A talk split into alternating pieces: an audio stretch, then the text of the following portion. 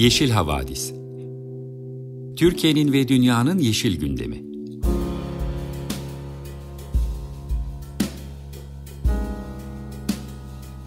Hazırlayan ve sunanlar Demet Yaman Er, Savaş Çömlek, Dilan Altın Makas, Sare Abit ve Tansu Yeşilkır.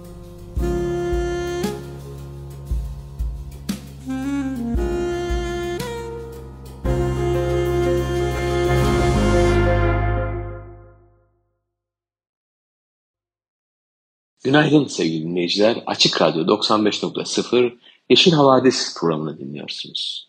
Bildiğiniz gibi programımızda Yeşil Gazete'nin gözünden haftanın ekoloji ve iklim bültenini gözden geçirip gündemle ilgili bir söyleşi yapıyorduk. Hepimizi derinden etkileyen deprem felaketinin ardından biz de programımızın akışını değiştirdik. Genellikle deprem haberlerine ayırıyoruz. Bugün de programımız deprem ve ekoloji bülteni, deprem ve iklim bülteni başlıklarıyla başlayacak. Ardından da deprem ve hukuk alanında bir söyleşimiz olacak. İdare hukuk alanında çalışan bir hukukçuyla Halim Alperen Çıtak'la söyleşi yapacağız.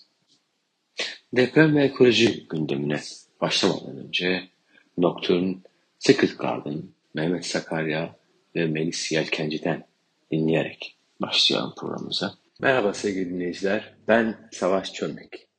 Bugün sizlere ekoloji bültenini sunmak istiyoruz. Ekoloji bülteni diyeceğiz ama hepimizin kalbi de aklı da hala depremden etkilenen bölgelerde. Bölge büyük bir afeti de, afet sürecinde yaşananları da, sonrasında olmaya devam edenleri de unutmamız mümkün değil.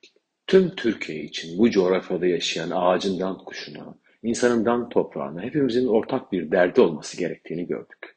Hak ettiğimiz onurlu, güvenli, güvenilir yaşam standartlarına sahip olmak. Bunları herkes için, hepimiz için koruyabilmek, gerektiğinde sahip çıkmak, savunmak. Biz bu değerlere sahip çıkmak isterken ise birileri ne yazık ki daha çok almaktan, daha çok bozmaktan ve yok etmek pahasına daha çok ceplerini doldurmaktan yana oluyor. Öyle ki geçen hafta adeta bir açık artırma yarışıyla boy gösteren yardım kampanyasında kendini göstermekten geri, geri durmayan ve hemen ertesi günü devletten aldığı teşviklerle alınan söz ettiren Cengiz Holding, Rize'nin İkizdere ilçesindeki Eskencidere Vadisi'nde açtığı ta taş ocağında iş makineleriyle çalışmaya tam gaz devam ederken yine iktidarın gözde şirketlerinden Limak Holding de bu süre içerisinde Muğla'nın Milas ilçesinde yer alan İkizköy semtindeki Akbelen ormanını talan eden kömür madeni açma çalışmalarını aksatmadan sürdürmeye devam etti. İnsanın aklına ister istemez geliyor tabi. Sayısız inşaata sahip bu şirketler, ellerinin altında yüzlerce makine, insanlar vinç diye, ekskavatör diye çırpınırlarken neden bir makine bile göndermediler de tüm Türkiye, tüm dünya sayısız yardım başvururken onlar makineleriyle doğayı talan etmeye devam ettiler, edebildiler. İkizdere Çevre Derneği, Çevre Komisyonu Başkanı Osman Baş, Türkiye'de bir taraftan bu kadar büyük bir afetin olması, binlerce kişinin ölmesi, binlerce kişinin yaralanması, binlerce kişinin evlerinden olması yaşanırken, bir taraftan hiçbir şey olmamış gibi hala inşaat faaliyetlerini, doğayı katlederek, doğayı yıkarcasına, yok edercesine devam etmesi açıkçası gerçekten bir zulüm diye değerlendirme yapmış. İkizlere çevre savunucularından Dursun Baş da İkizlere devam eden çalışmalara dair ulusal yas ilan edecek kadar büyük bir felaket yaşanmışken bunların burada çalışmalarına devam etmesi üzücü yorumunu yapmış. Belki söylenecek daha çok şey var ama ne yazık ki biz buradan ancak üzücü, insanlık adına, hepimiz adına çok üzücü demekle yetiniyoruz. Bununla birlikte yaşadığımız depremin yıkıcı sonuçlar ister istemez yeni tehlikeleri de beraberinde getiriyor. Hatay'ın Samandağ ilçesinde yer alan ve sahip olduğu biyolojik çeşitlilik nedeniyle korunması gereken önemli bir sulak alan olan Mileyha Kuş Cenneti 6 Şubat'ta yaşanan Kahramanmaraş depremleriyle meydana gelen yıkımın ve kentlerde birikerek salgın hastalığa sebep olma riski doğuran atıkların kurbanı olmaktan bölgeye çekilen dikkat ve gelen tepkiler üzerine kıl payı kurtulmuş gibi gözüküyor. Ancak geçmişte de Milena sulak alanı bir çöplük alanı olarak kullanıldığı için bu kurtuluşun ne kadar süreceğini, ne boyutta olduğunu aslında çok da bilemiyoruz. Deprem yokken de Bireyha Kuş Cenneti tehlike altındaydı. Depremle birlikte tehlike daha da arttı demek gerekiyor sanıyorum. Muğla Sıtkı Kocaman Üniversitesi öğretim görevlisi Doktor Yasin İlemin ise daha çok erken aşamalardayız. Ancak özellikle Mart ayının başından itibaren buna benzer ihbar ve duyumların gelmesini bekliyoruz diyerek enkaz kaldırma çalışmalarının hızlanması ve kentlerde atık sorunun daha da büyümesiyle bu tip durumların ilerleyen haftalarda görülebileceğine dikkat çekmiş. Özellikle tehlikeli atıklar, kimyasal, tıbbi benzeri tabii konusunda uyarıyor bizleri.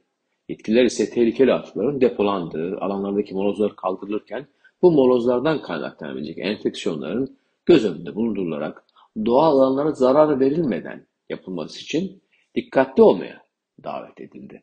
Enkazlarda bulunan izolasyon malzemelerinde kimyasallar da zararlı plastik türevleri ve asbest başta olmak üzere insan sağlığı ve ekosistem için zararlı pek çok madde bulunuyor. Yakında yıkılan binaların yerine yeni bina inşaatlarına başlanacağını kaydeden İLEM'in inşaat öncesi hazırlık aşamasında mevcut harfiyatlar doğal alanlardaki vadi tabanlarına, doğal sulak alanlara ve tarım alanlarına dökülürse bölgede büyük bir tehlike söz konusu olacak demiş. Uyarılarını da bu çerçevede yapmış.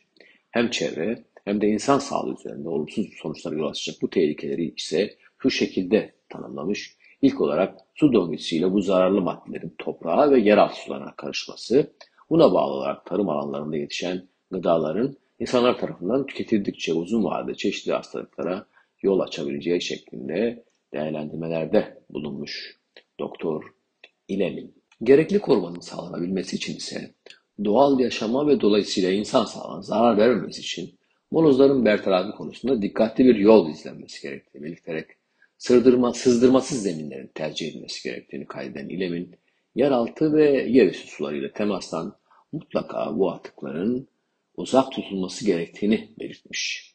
Moloz döküm sahalarının mutlaka ve mutlaka korunan alanlardan, sulak alanlardan ve yaban hayatı alanlarından uzakta belirlenmesini istemiş. Yer seçiminde bu noktaların özellikle dikkat edilmesi gerektiğini vurgulamış.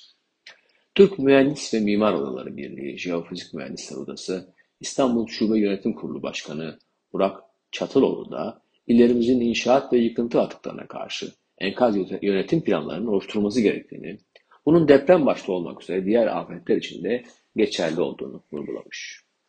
Karadeniz bölgesindeki taşkın örneği sonrasında yaşananları aktaran Çatlıoğlu, Bozkurt'ta derelerin taşması sonucu orada betonarme ve yığma yapıların da yıkıldığını, derelerin dağdan taşıyıp şehre çamur kütlesi getirdiğini, bunların bir yandan insan sağlığını etkilerken bir yandan da çevreyi etkilediğini, özellikle yeraltı sularının kirlendiğini, taşınan molozlar ve yıkılan binalardaki inşaat ve yıkıntı atığının, döküm sahalarının daha önceden belirlenmemesi nedeniyle enkaz yönetim planının olmayış sebebiyle çaresiz bir şekilde bu harfiyatı ortadan kaldırmak için kamyonlara yüklenip denize boşaltıldığını hatırlatmış bize. Afet bölgesiyle ilgili olarak da 2013 öncesi yapılarda yoğun bir şekilde kullanılan asbestin depremden etkilenen illerde yıkılan binaların çoğunun eski olması nedeniyle molozlarla tehlikeli miktarda bulunduğu ve birçok sağlık sorununa yol açan bu maddenin çevreye yayılmasının da insan ve çevre sağlığına tehdit oluşturduğu vurgulanmış. Enkazdan çıkan ve asbest içerme ihtimali olan tozların binalar yıkıldıktan sonra bütün bitki örtüsünü ve kentlerin yüzeyini kaplamış göründüğünü, bu nedenle enkazların kaldırılış süreçleri ne kadar uzarsa bu maddenin insan sağlığı ve çevre üzerindeki etkilerinin de o kadar artacağının aşikar olduğuna dikkat çekilmiş. İnşaat atıklarının kontrolü, bertarafı için özel döküm sahalarının oluşturulması ve bunların planlanması, yerlerinin belirlenmesi gerektiğini belirten yetkililer, döküm sahalarında ise sahanın tabanından yüzeyine geçirimsiz malzemeler örtülmesi gerektiğini söylemişler. Bunun yapay malzemelerle ya da doğadaki geçirimsiz bir madde olan kil tabakalığıyla kaplanıp hapsedilerek yapılabileceğini, dökümün bu şekilde kontrollü yapılması gerektiğini, bu atıkların yalnızca özel olarak hazırlanan döküm sahalarının içerisine atılması gerektiğini bildirmişler. Dileriz yetkililer artık uzmanlara danışmayı, Onların görüşleri doğrultusunda hareket etmeyi kendilerine yol edinirler ve böylece uzun vadede çok daha fazla kayıplara yol açabilecek yeni tehlikelerin önüne geçmiş oluruz. Ekoloji bülteninin sonuna geldik. Sevgili dinleyiciler, bir sonraki bölüme geçmeden önce bir müzik arası vereceğiz. Leonard Cohen dinleyelim, Darkness. Günaydın sevgili Açık Radyo dinleyicileri. Ben Tansu Yeşilkır. Açık Radyo'dasınız. Yeşil Havadis programında. Gündemimiz hala deprem. Ben size Diyarbakır'daki Galeriye İş Merkezi'nden haberler vererek başlayayım bu haftaki bültene. Diyarbakır'da Yenişehir ilçesinde Galeriye İş Merkezi'nin olduğu site için yıkım kararı çıkmıştı. Evlerde mahsur kalmış canlı hayvanlar vardı kurtarılmayı bekleyen. Hayvan hakları aktivistleri ve mahsur kalan hayvanların bakımlarını üstlenmiş kişiler yıkımı engellemek için çok çaba göstermişti. Çabaları sonuç verdi nihayet. Yıkım başlamıştı bile ama son anda Elazığ'dan sepetli vinç getirildi ve sitedeki hayvanlar kurtarıldı. Canları göz göre göre ölüme terk etmemek böyle bir şey. Keşke bu özen, bu kararlılık toplumu yönetenlere de bir parça ilham olabilse. Çok teşekkürler bu konuda emek verenlere. Deprem bölgesinde mahsur kalan ve kurtarılmayı bekleyen hayvanlar yalnızca galeriyada değiller tabii. Bu konudaki gelişmeler için Hayvan Hakları İzleme Komitesi'nin sosyal medya hesaplarını takip edebilirsiniz. Şimdi inşaat haberlerine geçelim. Hükümetin yaptığı inşaat konusundaki açıklamalara. Yeşil Gazete'de 23 Şubat'ta bu konuda bir haber yayınlanmış. Haberin detayları şu şekilde. Çevre, Şehircilik ve İklim Değişikliği Bakanı Murat Kurum, Adıyaman Üniversitesi'ndeki Afet Koordinasyon Merkezi'nde açıklamalarda bulunmuş. Kurum toplam 4 milyon 511 bağımsız bölümden oluşan 1 milyon 250 bin binanın incelendiğini, 520 bin bağımsız bölümden oluşan 164 bin 321 binanın yıkık, acil yıkılacak ve ağır hasarlı olarak tespit edildiğini söylemiş. Bakanlık olarak 200 bin konutumuzun tüm mikro bölgeleme, jeolojik ve zemin etütlerini tamamladığımız ve buna göre yer seçimini yaptığımız alanlarda ilk konutlarımızın sözleşmelerini imzaladık demiş bakan. Burada il il sözleşmesini imzaladıkları konut ve dükkan sayılarını vermiş. Kısacası diyor 3 günde 7220 konut ve 36 dükkanın sözleşmelerini yapacağız. Köyler için de şunu söylemiş. 70 bin köy evimizi ahırıyla, bahçesiyle, parkıyla yaparak hak sahiplerine teslim edeceğiz demiş Murat Kurum. Ancak bu inşaat aceleciliği ile ilgili uzmanlar uyarılarda bulunuyor. Profesör Doktor Naci Görür de sosyal medya hesabından şu açıklamayı yapmış. Kentlerimizi depreme dirençli inşa etmeliyiz. Deprem bölgesinde acele inşaat benzer acıları yaşatabilir demiş. Eğer prekast betonarme kullanmıyorsanız bir süre o bölgede inşaatlarda beton dökmeyiniz. Zira çok sık küçüklü büyüklü artçı depremler oluyor. Bu depremler dökülen betonlarda küçük çatlak, kırık ve zafiyet oluşturur demiş Naci Görür.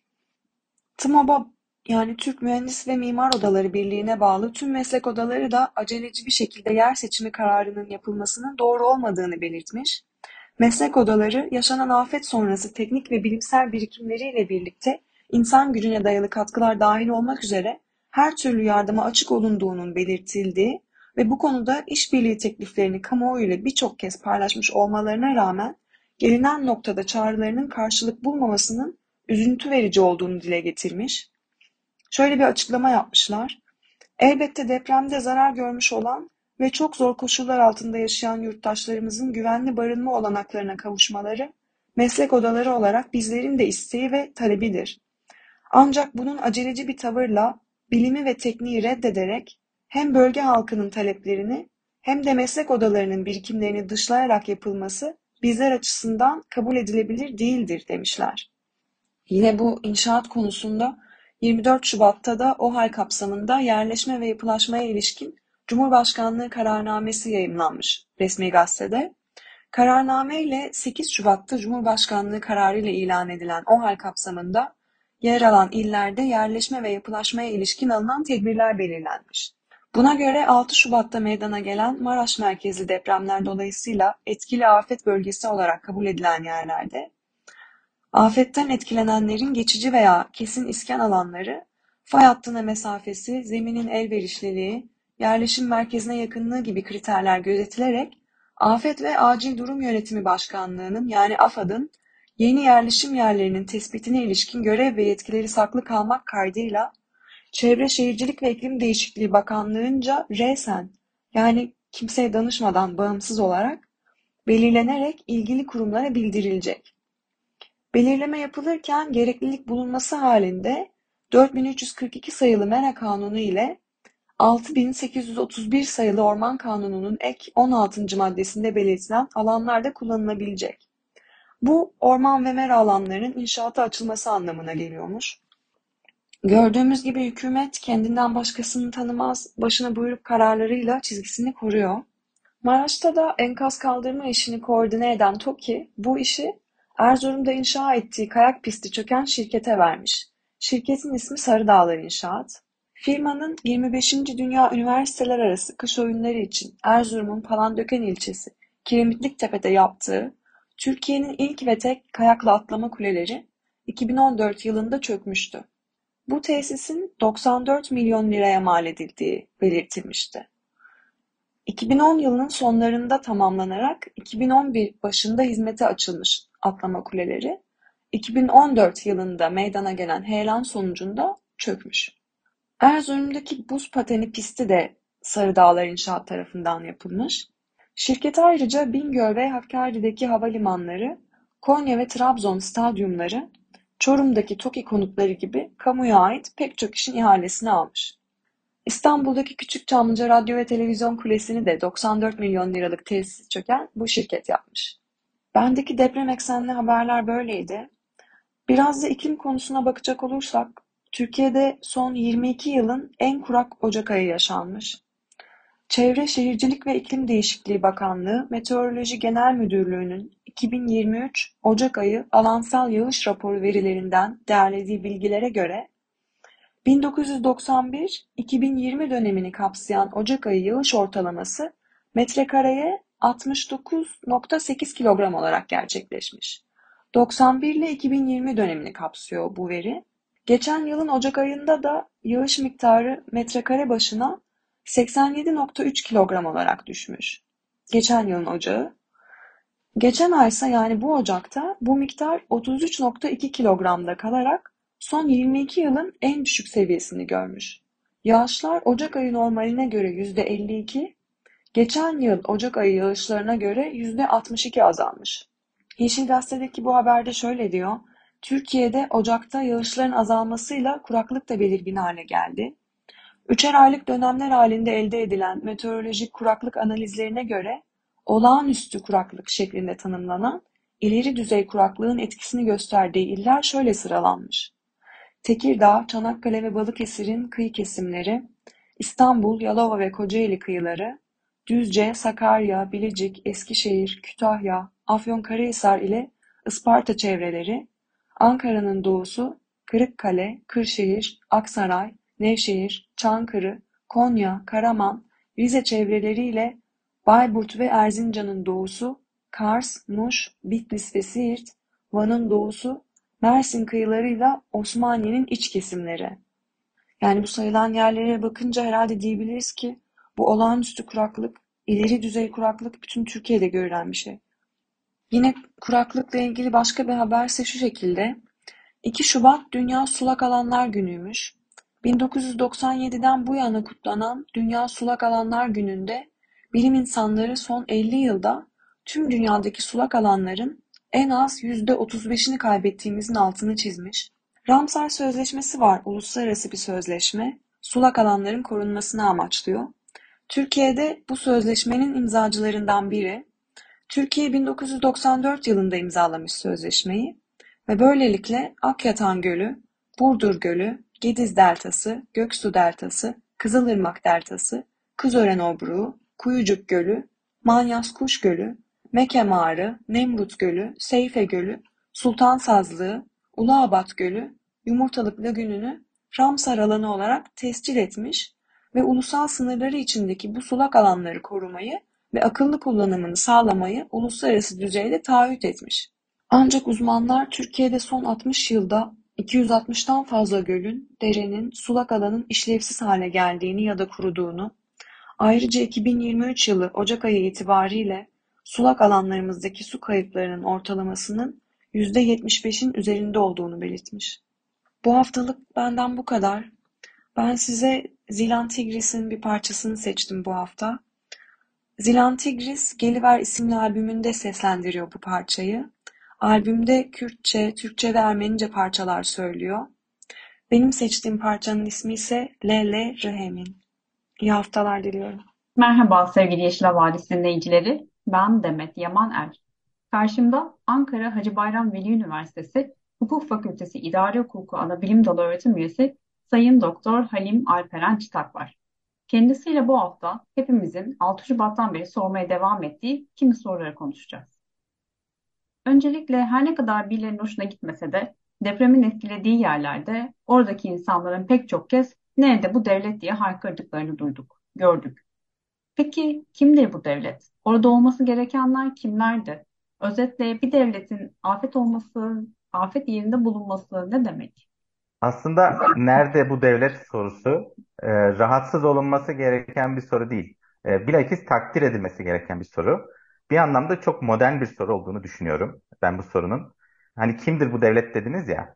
Aslında e, devleti biz genel kamu hukukunda hep üç unsur üzerinden tarif ediyoruz. İşte bir toprak parçası, bir ülke olacak. Bunun üzerinde yaşayan bir insan topluluğu ve onlar üzerindeki bir iktidar unsuru, üçüncü unsur olarak iktidarı görüyoruz. Tarih boyunca devlet kavramının e, bir modifikasyona uğradığını görüyoruz. Yani ilk başta iktidar unsuru çıplak bir güç olarak e, ortadayken yani boyun eğme ve boyun eğdirme şeklinde bir ilişki söz konusuyken zamanla geniş halk kitlelerinin iktidara ortak olmaya başlamasıyla beraber yani iktidarın demokratizasyonuyla beraber e, devletin kendisini meşrulaştırmak için bu çıplak gücün kendisini meşrulaştırmak için bazı kamu hizmetlerini üstlendiğini, bazı yükümlülükleri üstlendiğini e, görüyoruz. İşte nerede bu devlet sorusunu sorduran şey aslında modern devletten beklenen yükümlülüklerin yerine getirilip getirilmediğine ilişkin bir endişeyi ifade ediyor. Bu açıdan e, kınanması değil, rahatsız olunması değil, bilakis takdir edilmesi gereken vatandaşlık e, bilincinin üst düzeyde olduğunu gösteren bir soru bence. Devletin e, bir yerde olması peki ne anlama gelir? Bu da sorunuzun sanırım diğer kısmıydı. evet. Devletin a, evet devletin afet yerinde olması bütün imkan ve olanaklarıyla o esnada afete maruz bulunan kişilerin ihtiyaçlarını gidermeye çalışması, öncelikle onların can güvenliğini, sonrasında mal güvenliğini sağlaması ve, ve depremin yaralarının sarılması için gereken bütün tedbirleri ivedilikle alması anlamına geliyor. De, devletin bir yerde olması demek bu demek. O zaman devletin, devlet yetkililerinin ve kurumlarının orada ihtiyacı yönelik hizmet vermesi bir zorunluluk aslında. Peki orada ne olmalıydı? Ne görmeliydik biz de devlet yetkilileri ve kurumları adına bunu göremedik? Etkili bir afet yönetimi gerçekleştirebilmek, daha kısa sürede daha fazla canı yaşatabilmek için nasıl bir teşkilatlanma gerekliydi? Merkezi teşkilatlanma, bakanlıklar, kamu kurum ve kuruluşları, valilikler, belediyeler derken biz nerede eksik kaldık? Şöyle söyleyeyim. e, aslında e, eksiklik e, yeni hükümet sisteminden bir anlamda kaynaklanıyor. Çünkü yazılı olarak baktığımızda devletin yürürlükteki mevzuatına baktığımızda ve e, alt düzeydeki teşkilatlanma yapısına baktığımızda gerçekten çok ciddi bir eksiklik olmadığını görüyoruz. Yani teorik planda, yazılı planda ve olması gerekenlerin belirtilmesi anlamında ciddi bir eksiklik yok. Hemen size birkaç şeyden bahsedeyim. Mesela şu an afetlerin yönetimi konusunda asıl yetkili olan kuruluş biliyorsunuz Afet ve Acil Durum Başkanlığı AFAD. E, bu AFAD e, 2009 senesinde İçişleri Bakanlığı'ndaki Sivil Savunma Genel Müdürlüğü, Bayındırlık İskan Bakanlığı'ndaki Afet İşleri Genel Müdürlüğü ve Başbakanlığa bağlı olan Türkiye Acil Durum Yönetimi Genel Müdürlüğü'nün birleştirilmesiyle oluşturuldu. E, buna bütünleşik afet yönetim sistemi deniyor. Ve gerçekten de olumlu bir adım bu. Yani e, eleştirilecek bir adım değil. E, üç ayrı aynı konuda çalışan üç ayrı genel müdürlüğün tek bir elde birleştirilmesi söz konusu. Bu ilk başta Başbakanlığa bağlanmış durumdaydı. Sonra 2018 senesinde 4 sayılı CBK ile İçişleri Bakanlığı'na bağlandı.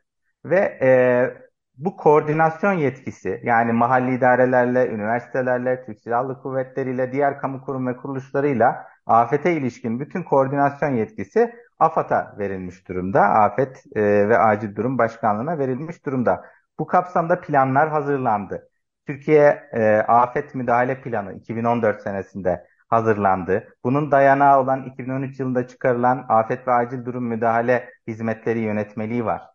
Onun da dayanağı olan ta 1959 senesinde çıkarılmış 7269 sayılı umumi hayata mesir afetler dolayısıyla alınacak tedbirlere ve yapılacak yardımlara ilişkin kanun var. Ve bunun dışında birçok mevzuat hükmü var aslında. Yani baktığınızda afetin tek elden ve hızlı bir şekilde e, afete müdahale edilmesi için gereken organizasyon kağıt üzerinde aslında sağlanmış. Peki neden ilk 48 saatte e, olması gerektiği gibi yardımlar ulaştırılamadı? Şimdi bunu dillendirmek de tabii eleştiri konusu oluyor ama bunu e, bizzat müşahede ediyoruz. Yani karşı komşumdan tutun kendisi Antakyalı bütün e, ailesi filan şimdi akrabaları geldiler karşıya yerleştiler. Yani birçok e, bu 10 ilde yaşayan birçok tanıdığımız var ve hepsinden aynı şeyi duyuyoruz.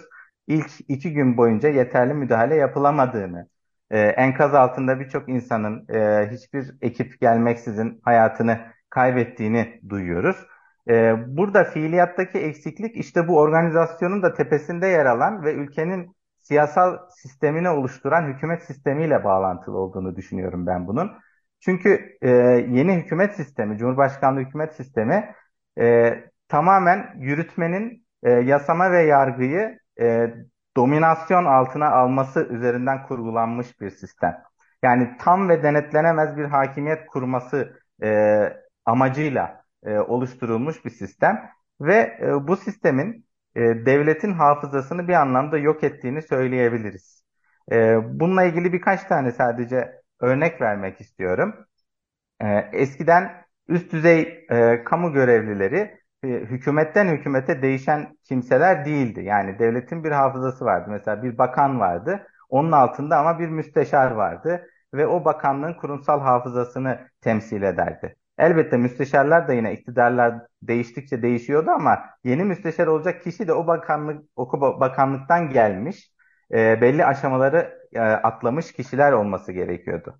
E, şu anda bakanı da Cumhurbaşkanı atıyor. Bakanın altındaki bakan yardımcısını da Cumhurbaşkanı atıyor. Genel müdürleri de Cumhurbaşkanı atıyor. E, bakıyorsunuz e, Afet ve Acil Durum e, Başkanlığı özelinde konuşalım. E, bir Cumhurbaşkanlığı kararnamesi var. 3 sayılı CBK, üst düzey kamu yöneticilerinin atanmasıyla alakalı. Şimdi AFAD Başkanı'nı Cumhurbaşkanı atıyor. Zaten İçişleri Bakanı da Cumhurbaşkanı atıyor. AFAD Başkan Yardımcılarını Cumhurbaşkanı atıyor. AFAD'daki rehberlik ve denetim başkanı ve AFAD'daki bütün genel müdürler Cumhurbaşkanı kararıyla atanıyorlar. Ve bunlar e, Cumhurbaşkanı'nın görev, görev süresi bittiği zaman bunların görev süresi de otomatikman bitiyor. Yani devamlılık söz konusu değil ve bunlar doğrudan doğruya şahısları itibariyle Cumhurbaşkanına e, bağlılık hisseden kişiler. E, bu işte devletin işleyişini tamamen felce uğratan bir durum. Çünkü devlette belli hiyerarşik kademeler vardır ve bu hiyerarşik kademelerin hepsi kendi çapında bir inisiyatif inisiyatif sahibidir ve hepsi kendi üstüne bir üst basamağına e, bir ölçüde bağlılık hissetmesi e, gereken kimselerdir. İşte bu hiyerarşik kademelenme bozulup e, her şey tek bir kişinin kararına, emrine ve talimatına fiilen bağlı hale gelince mevzuatta afete acil müdahale imkanını veren hükümlerin uygulanma imkanı ortadan kalkıyor. Aslında yine mevzuattan birkaç örnek vereyim. E, valilere verilen yetki genişliği denilen, hepimizin de idare hukuku derslerinden hatırladığı, hukukçuların bildiği e, bir kavram var. Normalde valiler ilde devletin temsilcisi ve kendilerine verilen il idaresi kanunundaki yetkileri merkeze sormaksızın merkez adına inisiyatif alarak karar alma yetkisine sahipler. Fakat valilerin bu yetkisini kullanmadığını görüyoruz. Hatta bu yine az önce değindiğim 7269 sayılı kanunda valilerin doğrudan askeri birliklerden yardım isteyebileceği ve bu yardım istendiği takdirde askeri birliklerin üstlerinden emir beklemeksizin yani merkezden, genelkurmaydan, kuvvet komutanlıklarından emir beklemeksizin valinin emrine icabet etmeleri gerektiği düzenleniyor. Fakat bu mekanizmaların hiçbirinin işletilmemiş olduğunu görüyoruz. Yani aslında plan mükemmel, e, ortadaki yönetmelikler, kanunlar her şeyi öngörmüş durumda. Fakat uygulamaya geçemeyen adeta felce uğrayan bir e, devlet e, mekanizması olduğunu görüyoruz. Ve bunu ben dediğim gibi yeni e, hükümet sistemiyle bağlantılandırıyorum. O zaman aslında sistemdeki eksiklikler, aksaklıklar böyle. Peki bunları yaşamadan önce ne yapılmalıydı? Neler yapılmadı? Nelere göz yumuldu da bunca can kayboldu? Bunca insan evsiz ve hatta yurtsuz kaldı. Az önce de aslında söylediğiniz gibi. Dünyada deprem kuşağında yer alan başka ülkelerinde olduğunu biliyoruz. Bizim gibi deprem kuşağında yer alan devletlerde olası afetlere karşı peki ne gibi bir sorumluluğu var iktidarların, belediyelerin o zaman bu noktada? Deprem öncesi hazırlık aşamasında sorumluluk kimde, nerede, ne yapmalıydık? Yani bunları soruyorum. Çünkü aslında gerçekten vereceğiniz cevaplar çok önemli. Bundan sonra yapılacak projelerde, yerleşimlerde de yine benzer hataların yapılmaması, bu işin sorumlusu kim denildiğinde bu işin sorumlusu bu denilebilmesi için kim ne yapmalıydı, ne yapılmalıydı gerçekten bilmemiz gerekiyor. Biz hukukta üç tür sorumluluktan e, bahsediyoruz. Birincisi e, siyasi sorumluluk. Siyasi sorumluluk seçimde vatandaşların oy kullanmasıyla gerçekleşecek bir sorumluluk türü. Yani seçimle oya gelen bir makamın, e, seçimle iş başına gelen bir makamın e, halkın teveccühüne mazhar olmaması sebebiyle o makamı kaybetmesi aslında siyasi sorumluluk. Daha önce tabii parlamentersinde bir gen soru mekanizması vardı. Bakanlar Kurulu'nun ve bakanların e, düşürülmesiyle ilgili bir siyasi sorumluluk mekanizması vardı. E, ikincisi cezai sorumluluk. Bu da ceza hukukuna e, giriyor. E, ben idare hukukçusu olduğum için tabii o konuda çok detaylı bir şey e, söyleyemeyeceğim ama e, şunun mutlaka yapılması gerektiğini söylemeliyim. Özellikle yıkılan binalarla ilgili. Bu binaları e, yapan, yaptıran kimdir? Bu binaların yapılmasına izin veren e, kimdir? Bunların tespit edilmesi, bunlarla alakalı e, suç duyurularında bulunması, e, savcıların da resen bu konuda soruşturma başlatması gerektiği kanaatindeyim.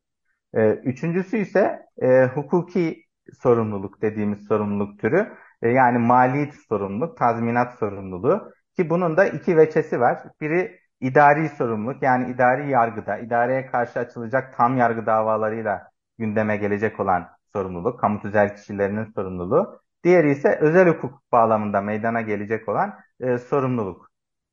Şimdi bunu da farklı ihtimaller üzerinden değerlendirmek lazım. Ee, öncelikle afete e, yeterince hızlı müdahale edilmemesi e, konusuna gelmek istiyorum. E, bu konuda e, yeterince e, hızlı bir şekilde müdahale edemeyen kuruluşlar ki burada e, birinci sorumlu zaten Afet ve Acil Durum e, Başkanlığı ve onun bağlı bulunduğu İçişleri Bakanlığı, illerde valilikler de olabilir. Bunlara karşı eğer ilk üç gün hızlı müdahale edilmemesinden ötürü zararı uğradığını düşünüyorsa vatandaşlar, uğradıkları zararlarla alakalı tam yargı davası, gerek maddi gerek manevi zararlar için tam yargı davası açabiliyorlar.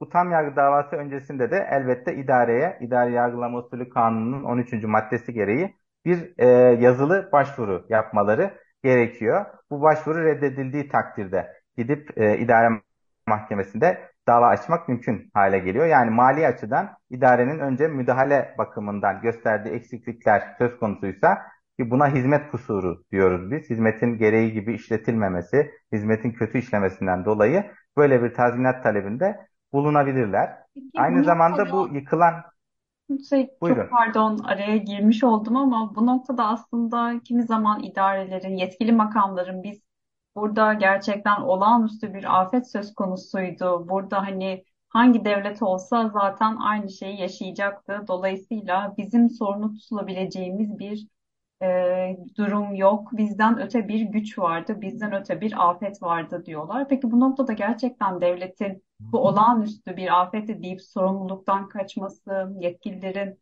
e, burada bir mücbir sebep var diyerek kendilerinin sorumluluğun olmadığını ileri sürebilmesi mümkün mü? O aynı şekilde hani verir yani e, cevaplarken soruyu bu noktaya da değinebilirseniz yine çok sevinirim.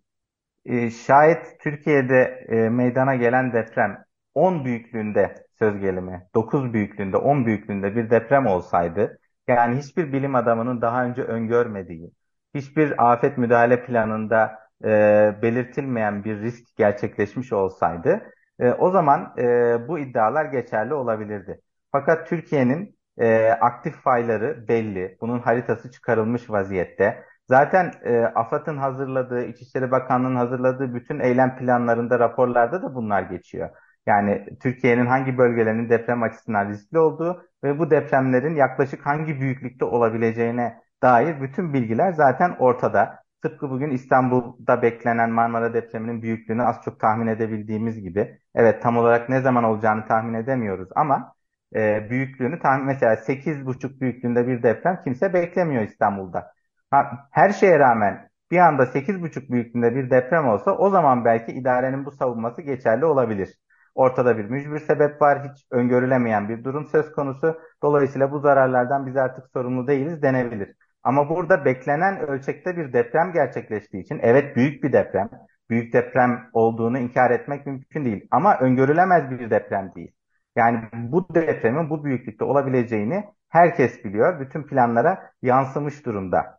Dolayısıyla e, ortaya çıkacak zararın öngörülebildiği ve mevcut teknik koşullarda böyle depremlere dayanacak binalar yapma imkanı da söz konusu olduğu durumda artık ilgililerin sorumluluktan, tazminat sorumluluğundan, mali sorumluluktan ve ceza hukuku açısından cezai sorumluluklardan kaçmaları e, mümkün olmasa gerek. Yani bu yaşanan deprem özelinde konuşuyorum. Bunun e, idarenin sorumluluğu açısından bir mücbir sebep teşkil etmesi e, mümkün değil. Yani idare hukukunun en temel bilgilerinden bir tanesi bu. Mücbir sebebin e, hangi şartlarda ortaya çıkacağı. E, burada hiçbir kuşku yok ki bu deprem bir mücbir sebep değildir. Zaten fotoğraflar da bizi, bize bunu gösteriyor. E, bir tarafta tuz buz olmuş bir bina var. Hemen yanında camları bile kırılmamış bir binayı görüyoruz. Demek ki yapılabiliyor. Yani zaten bunu e, jeoloji mühendisleri de, inşaat mühendisleri de, e, deprem mühendisleri de herkes söylüyor. Yani her koşulda bina yapmak mümkün. Yeter ki o binayı gerekli sağlamlıkta, gerekli koşullarda yapın. Bu arada bina inşası ile ilgili yönetmeliklerimizde de bir sorun yok. Özellikle 2000 yılından sonra bu 99 depreminden sonra yönetmelikler gerçekten e, iyi bir şekilde revize edildi. Fakat sorun uygulamada yani bu yönetmeliklere uygun binaların yapılmasında ve burada da e, denetim eksikliklerinin olduğunu e, muhtemelen görüyoruz. Çünkü yıkılmış yani bina. Binanın yıkılması bu arada onu da söylemek lazım. Yani idarenin sorumluluğu açısından bir binanın bu şartlarda, bu koşullarda, bu yönetmeliklere ve öngörülere rağmen yıkılmış olması bizatihi bir kusur karinesi teşkil eder. Yani ispat yükünü ters, terse çevirir. Yani sorumluların ellerinden gelen her şeyi yaptıklarını ispat etmeleri icap eder e, ilgili tazminat davaları açıldığında mahkeme önünde ilgili kurum ve kuruluşların bunu ispat etmeleri icap eder. Çünkü ortada yıkılmış bir bina var e, bütün öngörülere ve e, yönetmeliklere rağmen. Gerçekten verdiğiniz cevaplar için çok teşekkürler. Bir yandan tabii gerçekten vicdanen de insan bunlardan e, yani bu kadar aslında giden canın hiçbir şekilde karşılığının ve tazmininin mümkün olmadığını aslında hepimiz biliyoruz ama bir yandan açılacak olan davalar işte tazminat talepleri bir nebze olsun birilerinden hesap sorma manasına geliyor belki de. Çünkü hepimiz de gerçekten bu yaşananların bir şekilde hesabı sorulsun istiyoruz. Bu noktada da o zaman aslında yeniden son kez belki hani üzerinden geçmeniz gerekirse e, hani aynı şekilde idareye başvurulması gerektiğini söylüyorsunuz. Ondan sonra da açılacak olan tam yargı davaları. Hani bu noktada da Evet, mali sorumluluk açısından böyle. sizin eklemek istediğiniz başka bir şey var mı? Çok teşekkürler. Gel katılmayı kabul ettiğiniz için programa. Ben teşekkür ederim. Ee, afetten afetten zarar gören bütün vatandaşlarımıza geçmiş olsun diyorum. Yakınlarını kaybedenlere başsağlığı diliyorum. Umarım yaralar bir an önce sarılır ve e, artık biz e, gerçekten e, tam anlamıyla modern bir devleti bu topraklarda inşa edebiliriz diye düşünüyorum. Sevgili dinleyiciler, deprem ve hukukla ilgili bu zihin açan söyleşinin ardından bugünkü programımız sona erdi. Bir sonraki hafta görüşmek ümidiyle şimdilik hoşçakalın.